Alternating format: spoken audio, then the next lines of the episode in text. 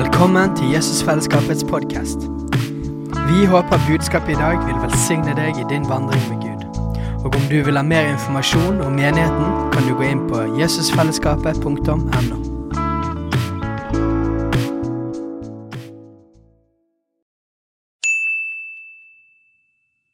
Hei! Visste du at Jesusfellesskapet starter en ny bibelskole til høsten? Den heter Jesusskolen og starter den 3. september. Gå inn på jesusskolen.no for mer informasjon. God, eh, god søndag, alle sammen. Dere var flinke å svare litt sånn koselig tilbake. Ja. Um, For to uker siden så, så spiste jeg noen sånne gode boller med krem inni. Er det noen andre som spiste noen sånne boller? Ja? De, eh, jeg liker de bollene der. Eh, er det noen andre som har spist fastelavnsboller? Få se bare en hånd. Ja, ok, de fleste.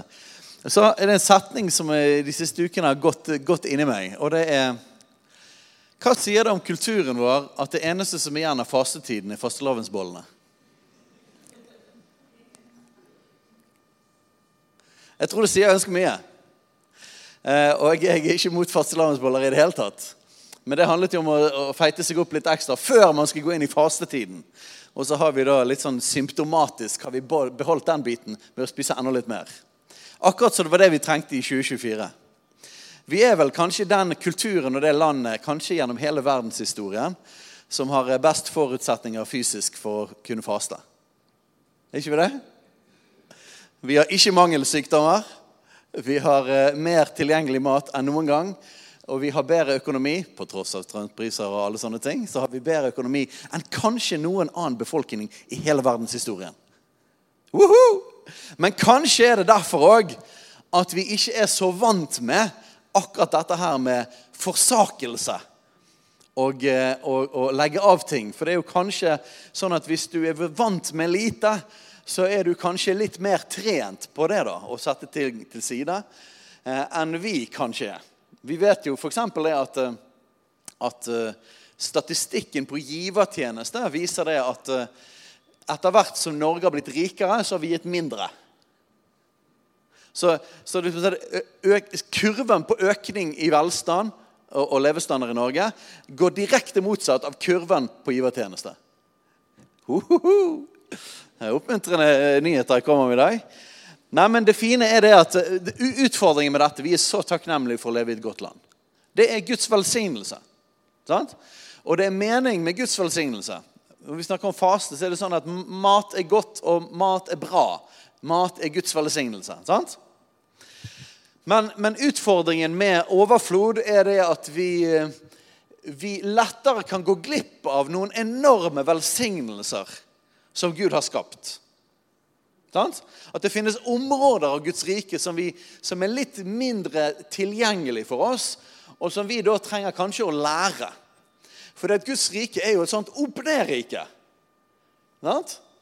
Hvordan var det Jesus eh, eh, ga liv til oss? Hvordan var det vi fikk liv?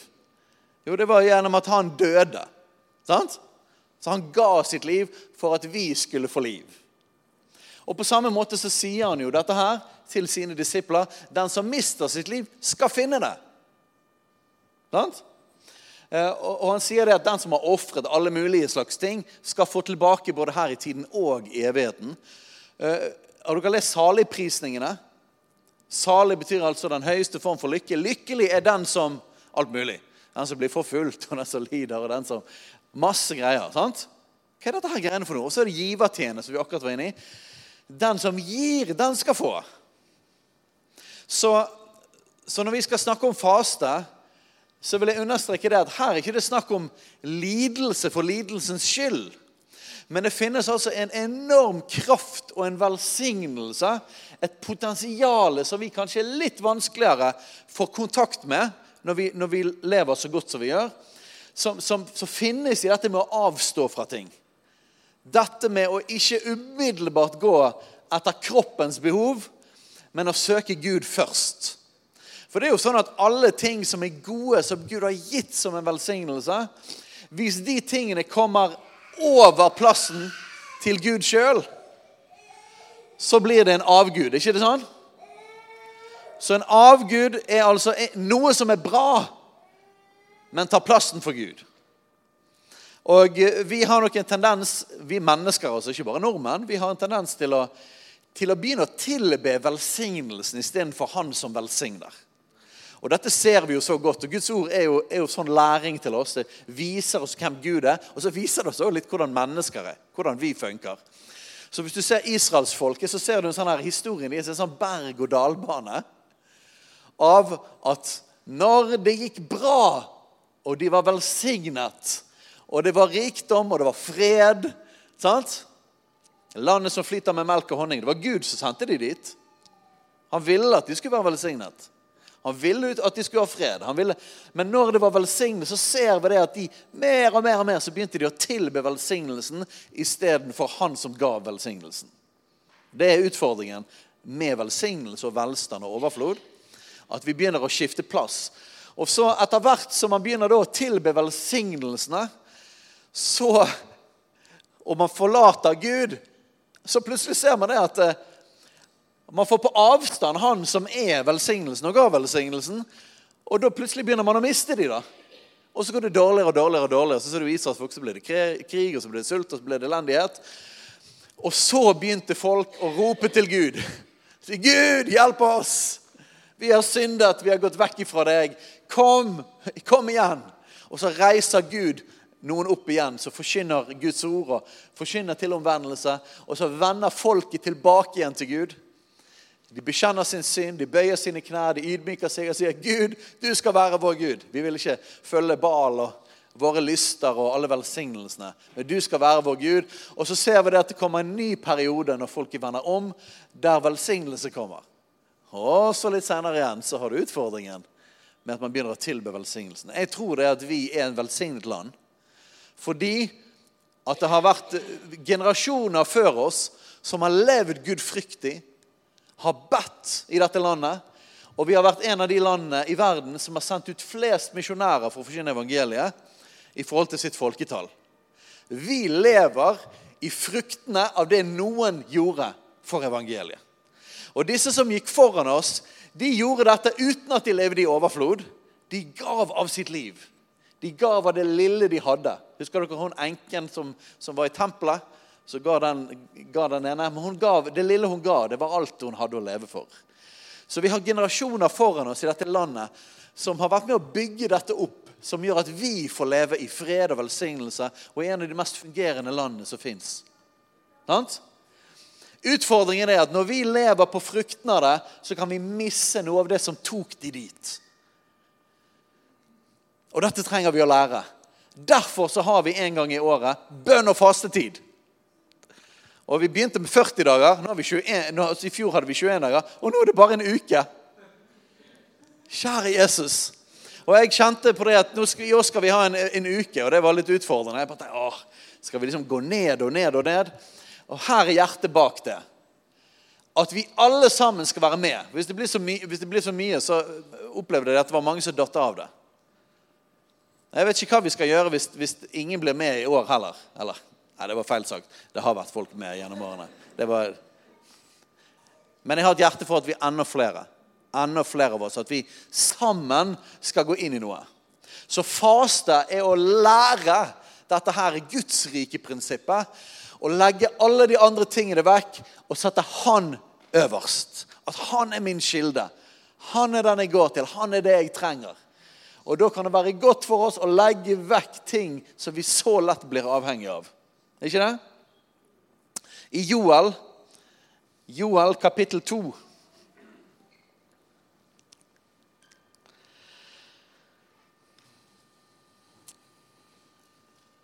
Joel kapittel 2, vers 12 og noen vers videre. Nå står det Men selv nå, sier Herren, vend om til meg av hele deres hjerte med faste og gråt og klage. Sønderriv hjertet, ikke klærne. Vend om til Herren deres Gud, for han er nådig og barmhjertig og langmodig og rik på miskunn, og han angrer det onde. Hvem vet han kunne vende han kunne vende om og angre og la en velsignelse bli igjen etter seg til matoffer og drikkeoffer for Herren deres Gud. Blås i basun på Sion, lys ut en hellig faste, rop ut en høytidssamling. Her er det jo sånn, enda en sånn situasjon der profetene har kommet og profetert at eh, hvis dere ikke vender om, så kommer det til å gå dårlig. Så vend om! Vend om til Herren deres Gud. Og, og, og, eh, og her ser vi akkurat det prinsippet som vi er inne i. at Om vi vender om og vender oss til Gud igjen, så vil, vil det snu. Og så velsignelse vil komme igjen. Men så står det dette her med å lyse ut en hellig faste. Faste er en sånn ting som vi kan, og det hadde vært veldig bra om vi personlig, individuelt levde i det gjennom året. Og Da kan du finne ut sammen med Jesus helt sjøl når og hvordan. Det, grunnen til at vi gjør dette en gang i året, denne her liksom kollektive fasten, er at vi trenger å lære å felles gå inn i å søke Gud og faste. Det har noe med å Det er et eller annet som skjer når vi, når vi felles går inn i ting, som ikke skjer når vi individuelt går inn i ting. Så vi, Dette er ikke bare at jeg og du faster, men dette er å lyse ut en faste. Sånn at vi sammen kan gå dypere inn foran Gud. Sånn at vi sammen kan få se nye gjennombrudd. Sånn at vi sammen kan få en tid der Gud har kutta av oss ting som vi er bundet av, og som henger så fast ved oss. Synden som henger så fast ved oss, står det om i, i, i Hebreerne 12,1, er det vel? Sånn at vi med tålmodighet kan løpe. Sånn at vi kan ha blikket festet på Jesus.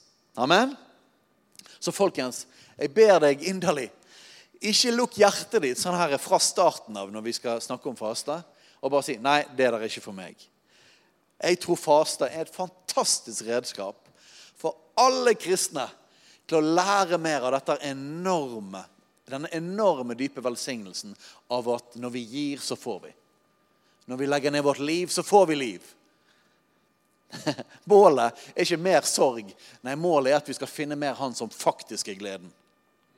Det er målet med faste.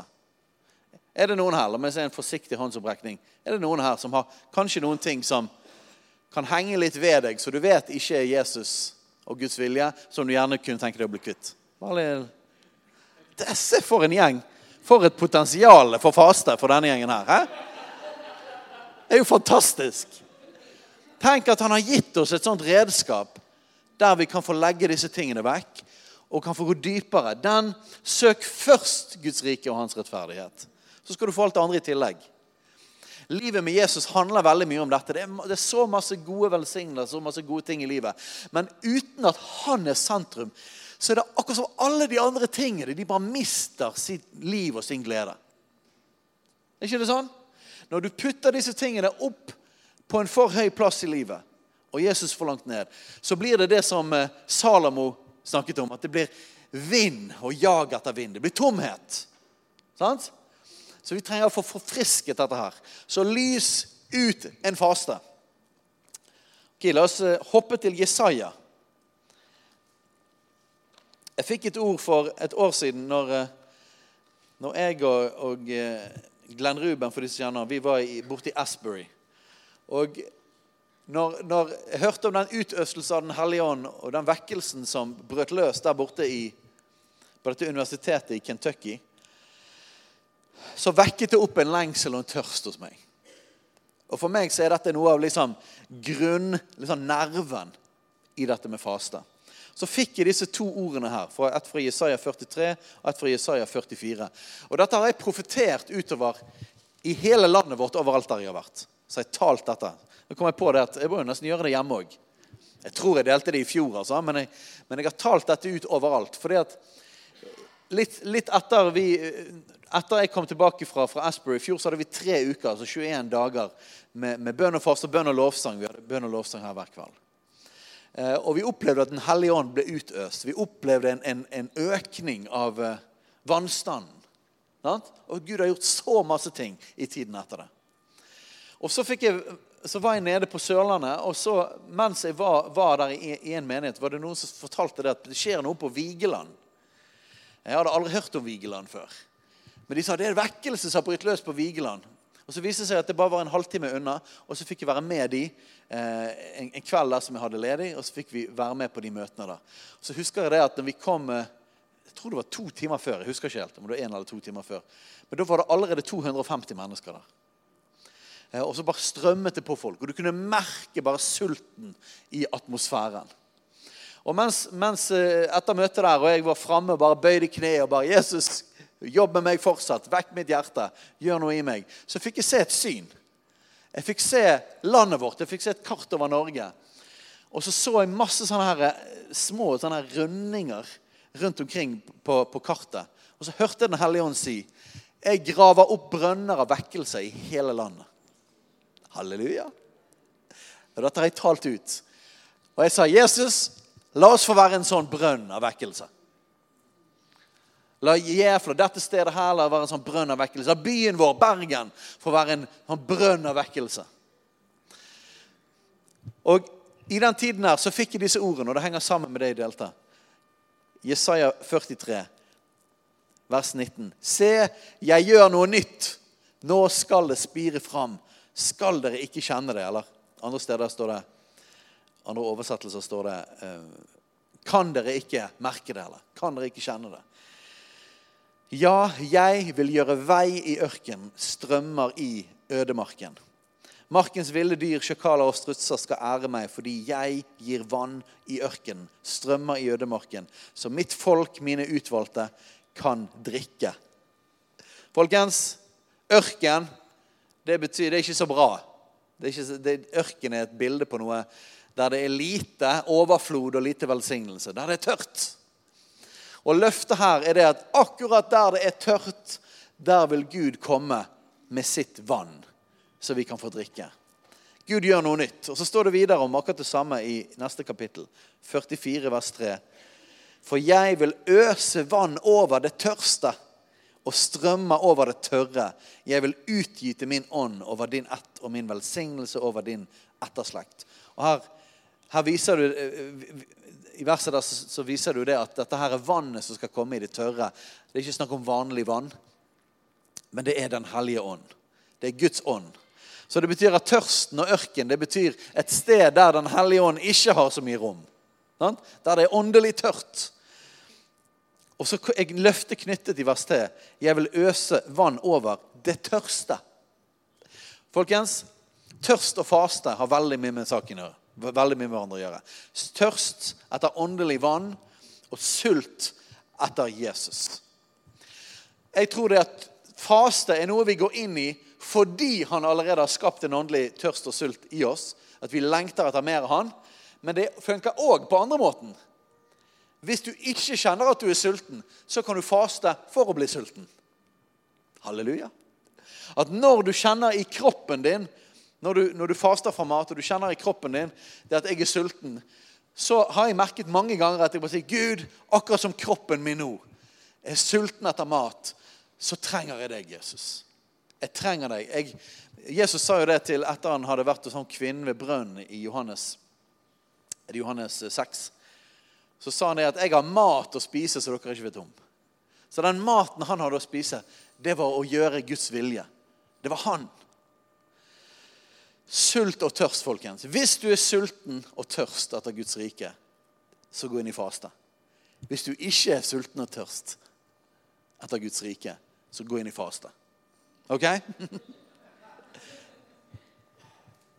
Sult og tørst.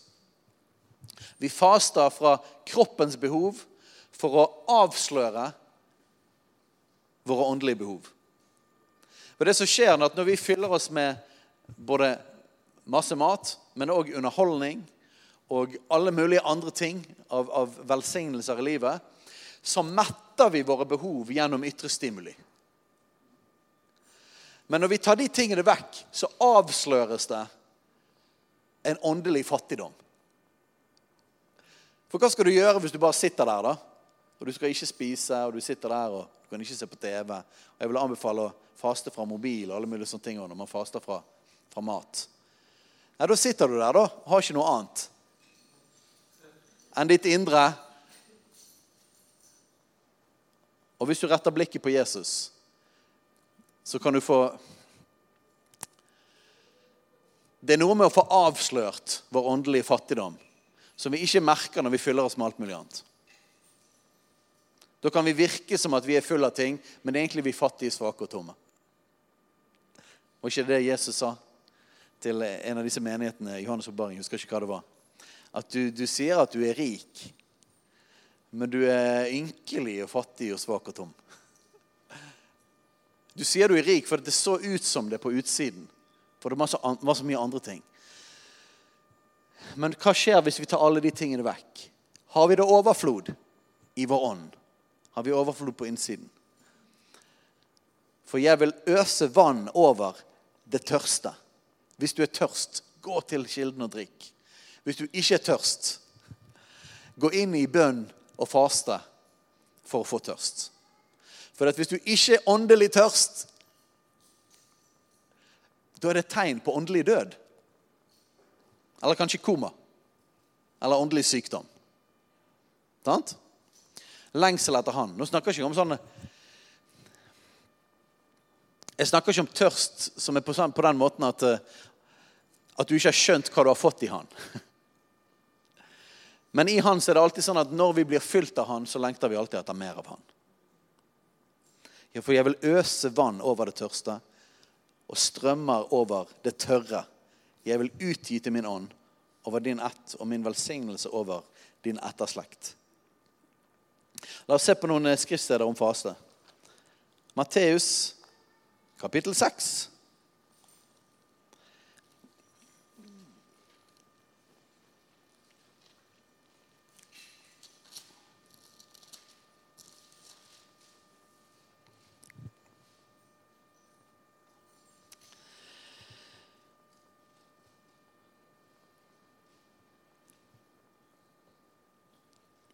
Skal vi se Vers 16 der var det. Når dere faster, skal dere ikke gå med mørkt ansikt, slik hyklerne gjør. De gjør ansiktet sitt ugjenkjennelig for å vise folk at de faster. Sannelig sier dere, de har alt fått sin lønn.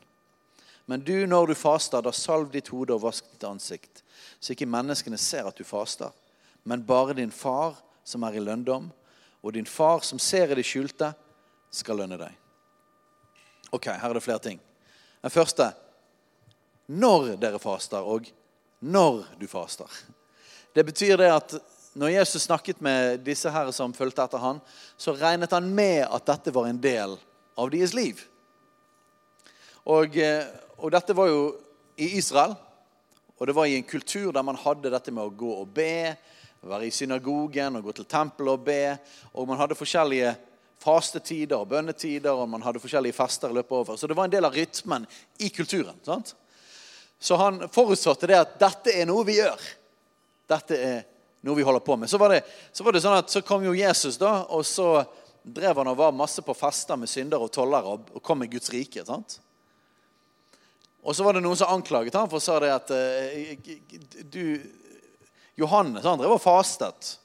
Og Johannes' sine disipler de faster, men han er bare en storeter og vindrikker. Og så sier Jesus det at når brudgommen er her, så, dere, så trenger dere ikke faste. Men når jeg er gått bort, så skal dere faste. Så det er jo i vår tid, da. Halleluja. Men Jesus sier 'når dere faster'. Så Jesus tar altså som en forutsetning for de som vil leve et gudfryktig liv, de har faste som en del av sin livsstil. Og nå er det sånn at Vi kan ikke tvinge noen til å gjøre noe som helst. Alf Kåre er oppfordret. Ta nå iallfall én dag i året. Eh, og, og eh, alt Som en etterfølger av Jesus er det sånn at alt kommer ut av det han har gjort. Det er ikke lovens krav og bud som vi følger. Men når vi har fått tatt imot livet og nåden og kjærligheten fra han som gav livet, så transformerer det oss og forandrer det oss. Sånn at vi har lyst til å følge hans vilje. Og Derfor regner jeg med at alle som er her inne, de er her fordi at de har lyst til å følge Jesus. Og da vil jeg sterkt utfordre deg. La faste være en del av livet. I alle en gang i året. For Grunnen til at vi har denne fasen, er ikke egentlig fordi at vi skal, dette skal være den eneste gangen. Dette er egentlig fordi at vi skal lære å faste. Så folkens, om du aldri har fastet fra mat, jeg vil oppfordre deg så sterkt. Ta og bruk denne anledningen denne uken. Når dere faster. Og så sier Jesus, ikke bruk fasten, og dette gjelder vel alle andre ting som vi kan gjøre for Jesus, for å ære han. Ikke bruk det til å dra ære til deg sjøl. Hvis du har gjort det, så har du fått din lønn. Og det er jo litt kjipt. Det er litt kjipt hvis, hvis, hvis min fase hva, hva, er det du ønsker å faste? Hva er lønnen av å faste? Nei, det er Jesus. Det er mer av Jesus. Det er litt kjipt å liksom bruke opp fasten på å få ære av mennesker. Men så får jeg ikke mer av Jesus. Det er litt waste. Jeg tror jeg ikke gidder å faste for å få ære av mennesker, og så får jeg ikke mer av Jesus. Det syns jeg ikke er verdt. Så ikke bruk faste eller andre åndelige disipliner til å fòre deg sjøl og ditt indre og ditt behov fra andre menneskers anerkjennelse. Men la det være for at du skal ha mer av Han. Sant? Noen bruker dette her til at det skal være strengt hemmelig. dette med at du faster. Hvis noen finner ut av det, så har du mistet din lønn. Det tror jeg er bare tull. Her handler det om hva er drivkraften og hjertet ditt. Faktisk vil jeg si det at jeg håper det at det kan være sånn at vi alle sammen kan si Å ja, du ser du ikke spiser i dag. Og så trenger du ikke bli sånn rar i ansiktet. Og nei, nei, jeg hadde bare lyst på vann i dag, ikke på middag. Men at du sier ja, jeg faster. Og så er det helt normalt. Og det er ikke noe som både gir deg mer ære eller anerkjennelse. For det er så vanlig at vi faster. Det er alltid noen som faster. Å ja, ok, men så greit å vite. Da trenger ikke jeg å friste deg med masse mat her. Men, men, eh, det går helt fint an at andre spiser mens du faster. Så, så det, det, dette verset betyr, at la oss skape en kultur der Jesus er poenget. At vi ikke gjør ting for å få ære av mennesker. Men at faste er så vanlig blant oss at vi ikke trenger å gjøre noe big deal ut av det. Ok? Noen reagerer litt på det at vi skal ha en faste lenke, og at vi skriver navnet vårt der. For de sier ja, men vil ikke det gå imot dette verset. Og Hvis du føler har veldig dårlig samvittighet for det, så bare tar du ta en kryss der i stedet istedenfor navnet ditt. Poenget er at vi ønsker å ha litt oversikt over for det første at det er noen som faster hver dag. Men det var aller viktigst når det var 40 dager. Når det bare er syv dager, så bør det være mange som faster hver dag. Okay? Men det sier litt om hvor mange som er med på det. Det gir en feeling av liksom, om, om, dette er en kollektiv ting. Men jeg tenker at eh, jeg skriver navnet mitt der. For er det noe big deal da, å faste litt? Grann?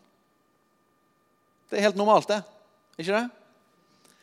Så skriv navnet ditt der, eller et kryss. Men vi gjør ikke dette for å få ære av mennesker. Vi gjør det for at de skal ha mer av Jesus. Men Jesus sa 'når dere faster'. Og Så står det en annen, eh, en annen historie vi alltid må ta med når, når det er snakk om faste, og det er i Matteus 17. Og Det er en historie av en som var plaget av en ond ånd. Og som eh, Jesus han var oppe på fjellet. Og Mens Jesus var oppe på fjellet, så var det noen som kom til disiplene til Jesus, de som ikke var med oppe på fjellet, for at de skulle kaste ut en ond ånd. Og Nå må dere huske det. At disse disiplene, Dette er altså i Matteus 17. I Matteus 10 så blir de sendt ut for å forsyne evangeliet, for å helbrede syke og kaste ut onde ånder. Sant? Og Husker dere når de kom tilbake igjen, så var de happy? Og Seinere ble de sendt ut 70 for å gjøre det samme. To og to. Så de hadde vært på minst to misjonsturer der de helt alene var forkynt evangeliet om Guds rike, helbredet syke, kastet ut onde ånder. Og når de kom tilbake, var de bare sånn Til og med de onde åndene hører på oss. De var kjempebegeistret. sant? Eh, I tillegg til det så var de sammen med Jesus, og det står det at folkemengder kom til han hele tiden. Folk trengte seg inn på han. Om de tok på han, så ble de helbredet. Om Jesus la hendene på dem, alle ble helbredet, står det. Og alle kom med, med sykdommene, og de som var plaget av onde ånder, de ble satt fri. Så disse her, nå har de levd i et par år med både kastet ut onde ånder sjøl, helt alene uten at Jesus var der, og i tillegg så har de vært rundt det hele tiden sammen med Jesus. De har sett det. Så dette er nok de folkene som har mest erfaring med å kaste ut onde ånder i hele historien frem til nå. Er dere klar for er dere klar det perspektivet her? Så dette er ikke noen som er uvante. De har aldri gjort det før. Derfor funket det ikke. Så måtte Jesus komme og fikse det. Nei, dette var folk som visste hvordan man kastet ut onde ånder. Men av en eller annen grunn så prøvde de å sette han fri. Men det skjedde ingenting. Så vi kan ta fra vers 16. Kapittel 17, vers 16. Jeg brakte ham til dine disipler, men de var ikke i stand til å helbrede ham. De fikk ikke det til, rett og slett. Og Da svarte Jesus og sa, 'Du vantro og fordervede slekt, hvor lenge skal jeg være hos dere? Hvor lenge skal jeg tåle dere?' Så Jesus var frustrert over disiplene. Før ham hit til meg. Og Jesus truet ham, og den onde ånd for ut av ham, og gutten ble helbredet fra samme stund. Da disiplene ble alene med Jesus, gikk de til ham og spurte, 'Hvorfor kunne ikke vi drive den ut?' Så de var overrasket. Ser dere det? For de hadde gjort dette før. Så hva var greien her? Vi prøvde å gjøre akkurat det samme som vi gjorde sist gang. Akkurat det samme den personen, de, Alle disse folkene ble satt fri før. Og vi gjorde akkurat det samme, men ingenting skjedde. Hvorfor kunne ikke vi drive han ut? Han sa til dem, for deres vantros skyld. Så det hadde altså med vantro å gjøre. Sannelig sier dere, om dere har tro som et sennepsfrø, kan dere si til dette fjellet, flytt deg herfra og dit, og det skal flytte seg, og ingenting skal være umulig for dere. Så Jesus sier at det har, det har en kobling til tro. Det hadde altså med vantro at dere ikke kunne kaste den ut. Og, men det, det, er mulig for dere å ha en sånn tro at folk kan bli helbredet og satt fri. Hvis du har et sennepsfrø av tro, så vil ingenting være umulig for deg. Og så legger han på denne tingen på slutten. Men dette slag farer ikke ut uten ved bønn og faste. Så hva betyr det? Nei, Dette må bety at det finnes ting i Guds rike som du Selv om du har sett noen gjennombrudd av Guds rike, så kan du møte på ting som har en større styrke. Alt er ikke det samme. Jeg har hørt folk si men det er akkurat det samme om folk om man blir helbredet fra en hodepine, eller om man reiser seg fra rullestol. Det høres jo helt fint ut, sant? fordi man sier ja, for Gud er ingenting umulig. Og det er sant, for Gud er ingenting umulig, men det er ikke det samme i forhold til vår tro.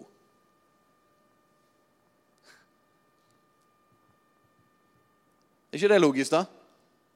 Det er ikke det samme i forhold til vår tro å se en hodepine helbredet og reise noen fra en rullestol. Fordi at vi opplever at den, den rullestolbiten er en mye større fysisk umulighet. Sant? Så det betyr at vi trenger da mer tro for at Gud, Guds kraft skal få virke, så det skjer et mirakel. Så Det står om forskjellige mengder av tro. Jesus snakker om dere hadde lite tro, og så snakker han om folk som hadde stor tro. F.eks. Han, eh, han mannen som eh, han eh, romerske offiseren som sier det at nei, du trenger ikke komme hjem til meg, bare si et ord, så blir tjeneren helbredet. Og sier han, ikke i noen i Israel har jeg funnet en så stor tro. Han hadde altså en sånn åpenbaring, en sånn tro på det Jesus kunne gjøre, at at du trenger bare å si et ord. Så det finnes forskjellige nivåer av tro. Så dette slaget drives ikke ut uten ved bønn og faste. Hva må det da bety? Snakker Jesus om noe som er helt uavhengig av det første han sier? Nei, Det må ha en sammenheng. ikke det? Så det betyr at når det er større ting større ting du møter på, så du merker at det brikker seg ikke, du får ikke et gjennombrudd her, så trengs det større tro. Hvordan får du større tro? Bønn og faste. Hvordan får du større tro så du kan se mer gjennombrudd av Guds rike? Gjennom bønn og faste. Halleluja. Er det noen som har lest noen gang når Jesus sier sånn her, dere hadde så lite tro, så kjenner at det treffer? Jeg kan kjenne at det treffer. Men det har gode nyheter. Det går an å få mer tro. Nå skal jeg ikke undervise masse om tro her, for det, det, er en egen ting, men det står at troen kommer av forkynnelsen. Det står at når vi løfter blikket på Jesus, han er troens han har fullenda. Når vi ser på han, så blir vi fylt av tro. Vi ser at Peter han gikk på vannet så lenge han så Jesus. Når han så omstendighetene, begynte han å synke. Det står masse forskjellige ting om tro.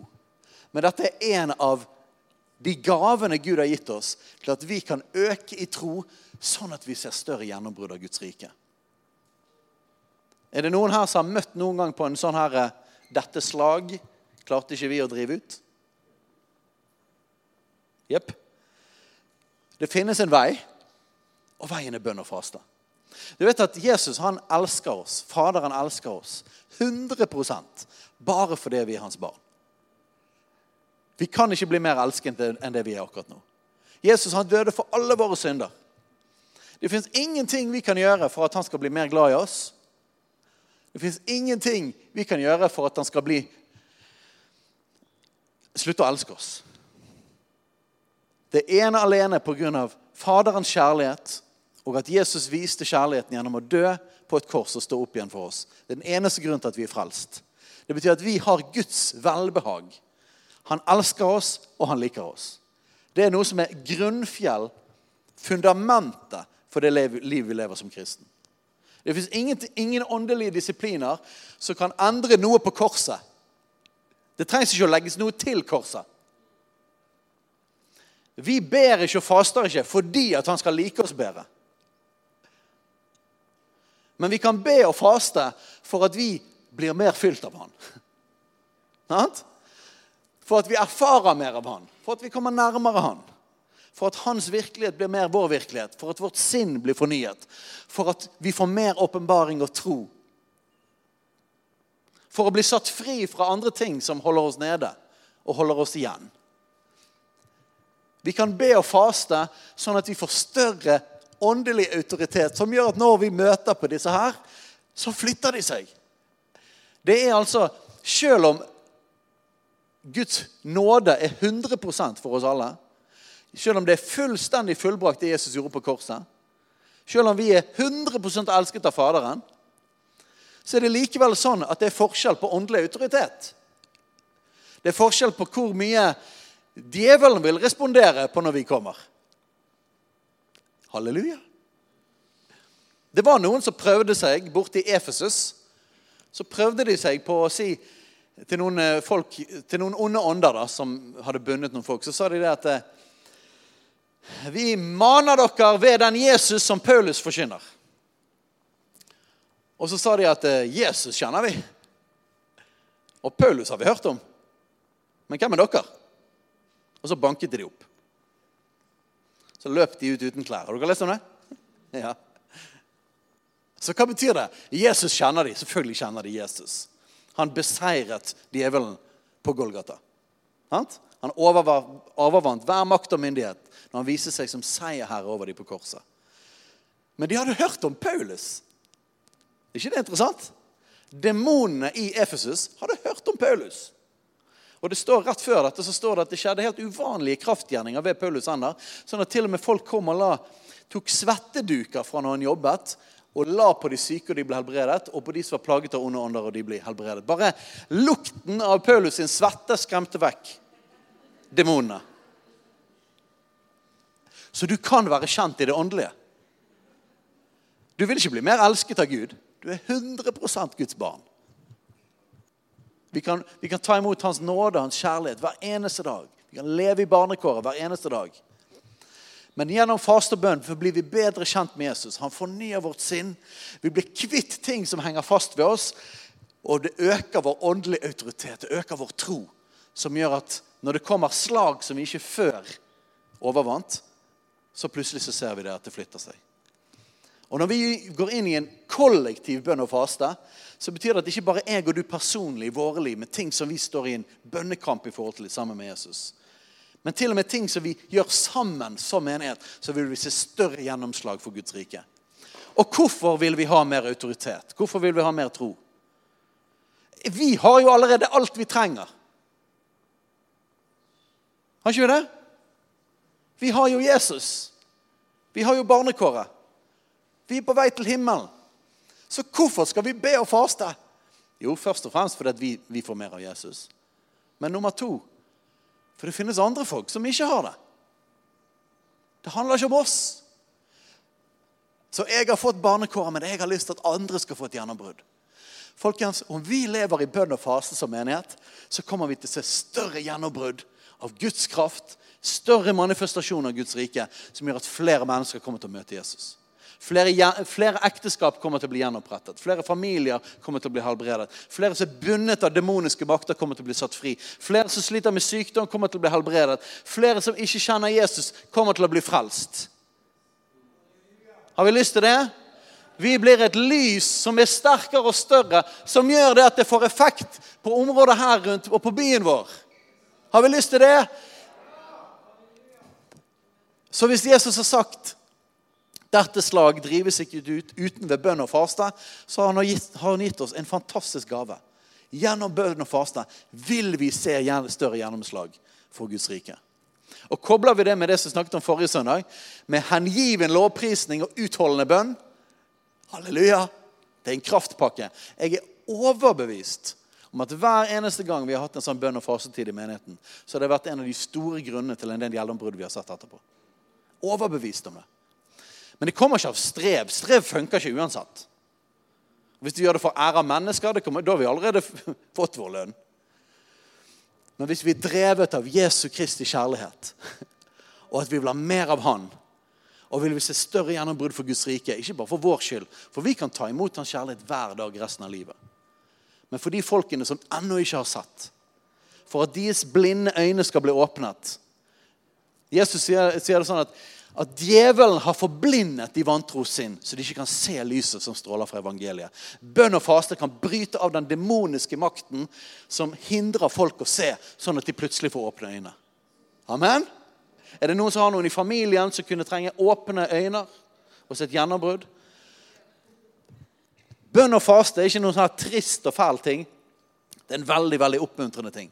Tenk at han har gitt oss dette våpenet.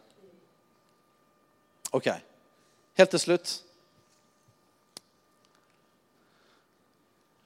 Jeg var litt forvirret over den klokken der.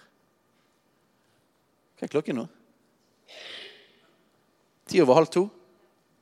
Har jeg holdt på så lenge? Å nei, vi slutter Ja, sånn er det. Nei, jeg holdt på kort. Uh, ja, vi begynner ikke klokken elleve lenger. Nå ble jeg litt nervøs. Hva sa du?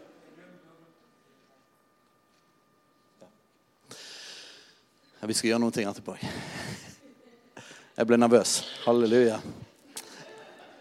Jeg tror jeg hadde prekt i 40 minutter lenger enn vanlig, og det var, det var, det, det var rart. Ok, Vi rekker disse to bibelversene, da. Så Apostelens gjerninger 13.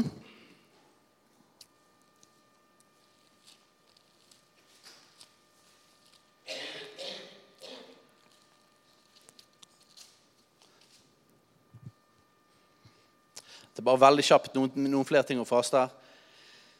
I Apostelgjerninga 13, vers 1. I Antiokia, i menigheten der, var det profeter og lærere. Barnabas og Simeon, som kalles Niger, og Lukius fra Kyrene og Manaen, fosterbror til fjæringsfyrsten Herodes og Saulus. Mens de holdt gudstjeneste og fastet, sa Den hellige ånd. Ta ut for meg Barnabas og Saulus til den gjerning som jeg har kalt dem til. Og de lot dem dra ut etter de hadde fastet og bedt og lagt hendene på dem. Og står det i neste vers, Da de slik var utsendt av Den hellige ånd, dro de ned til Silukia osv. Så, videre. så har du den første misjonsreisen. Så dette bare tegner et lite bilde, gir et lite glimt av menighetslivet i Antiokia. Som ble et sted av trening og utsendelse. Et apostolisk senter. Stedet der Barnabas og, og, og, og Saulus og etter hvert Paulus og Silas ble sendt ut for å skinne evangeliet. Og de så masse gjennombrudd for evangeliet rundt omkring. Og plantet menigheter. Og så dro de tilbake igjen her. Så dette gir et lite innblikk i hvordan de levde. De holdt gudstjeneste og fastet. Så de kom sammen som menighet, og så fastet de. Det betyr at de hadde kollektiv faste. Og i settingen av kollektiv faste og bønn så sa Den hellige ånd noe. Men det er ikke det interessant at faste blir nevnt her. Så jeg regner med at de pleide å ha bønn. Jeg regner med De pleide å lovprise Gud, de pleide å samles som menighet. Men det var noe spesielt, for at her var de i en tid av faste. på en eller annen måte. Av en eller annen grunn så fastet de felles som menighet, og det ble det punktet der Den hellige ånd talte. Nå er det tid. Nå er det tid for å sende ut Barnabas og Saulus. Så faste og bønn Det virker som at det, det er en kobling der i forhold til det profetiske ord. Faste og bønn gjør noe i forhold til Guds tale. Jeg nevnte så vidt òg eh, eh, eh, Daniel, Daniels bok forrige søndag. Og Da ser vi det at når Daniel ba og fastet, så ble engel Gabriel sendt. Og Så snakket de om dette med utholdende bønn fordi han ble stoppet av Mikael. Og så etter hvert så kom han igjennom. Men det er interessant at han ba og fastet, og så kom det et ord fra Gud. Så ble engelen sendt med et budskap. Så det er en kobling mellom bønn og faste og det profetiske ord. Og Det er en kobling mellom bønn og faste og utsendelse av mennesker. Dette ble en ny epoke i menigheten i Antiokia sitt liv. Har dere tenkt på det?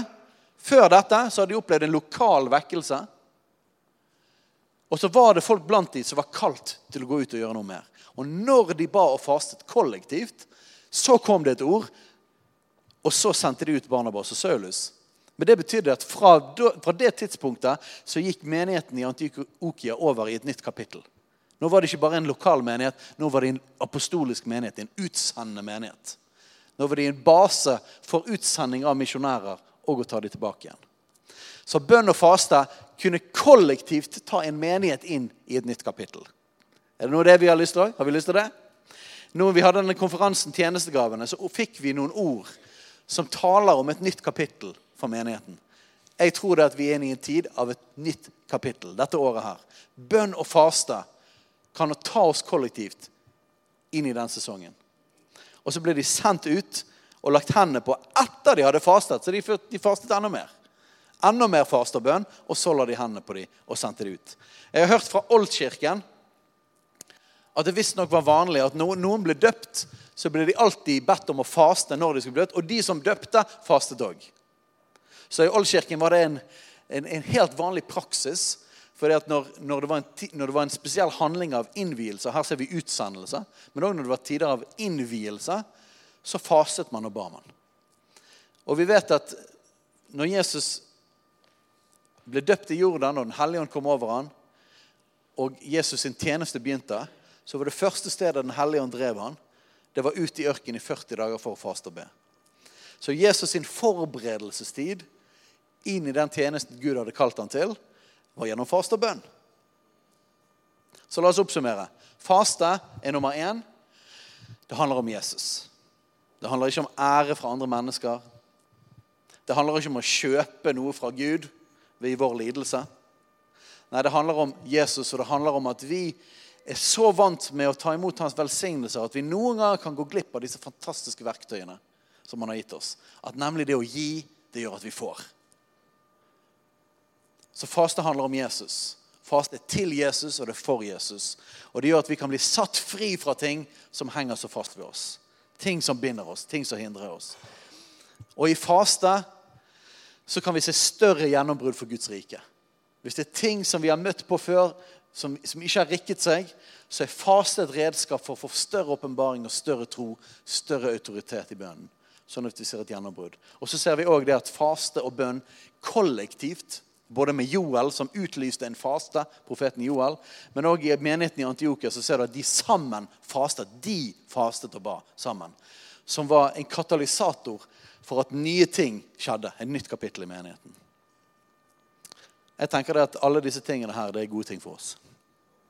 Og Jeg vil sterkt oppfordre deg. Please, Vær med og bruk den anledningen denne uken til å være med og be og faste. Ta minst én dag. Denne, denne, gangen skal vi kjøre en, eh, den jødiske varianten på faste. Nemlig det at eh, de pleide å regne at dagen begynte klokken seks om kvelden. Og så gikk den til klokken seks neste dag. Så eh, vi skal begynne å faste denne fastetiden klokken seks i dag. Og så går det fram til klokken seks neste søndag. Så det er syv dager altså fra kveld til kveld. Klokken seks til klokken seks om kvelden. Hvis du går inn på, på Facebook på Gir familien, hvis du ikke er med der, så bare si fra, så kan vi invitere deg inn der. Så kan du bare melde, skrive navnet ditt inn der på da, da du faster. En annen god grunn til å skrive seg inn der er at du forplikter deg. Så du ikke tar det på følelsen du har rett før du skal begynne. Men du kan ta det på at 'oi, jeg har skrevet navnet mitt her'. Jeg må nesten gjøre det. For det er jo det du egentlig vil. sant? hvis du skrev det der. Hvis du er ukomfortabel med det navnet ditt, så kan du skrive en X. ok? Men da må du forplikte deg sjøl på den X-en. Og så det, kommer det til å være lovsang og bønn hver dag her klokken Nå har jeg glemt tidspunktet. 10 til 12. Vi tar det fra samme tidspunktet hver dag denne uken. her. Så 10 til 12 hver formiddag.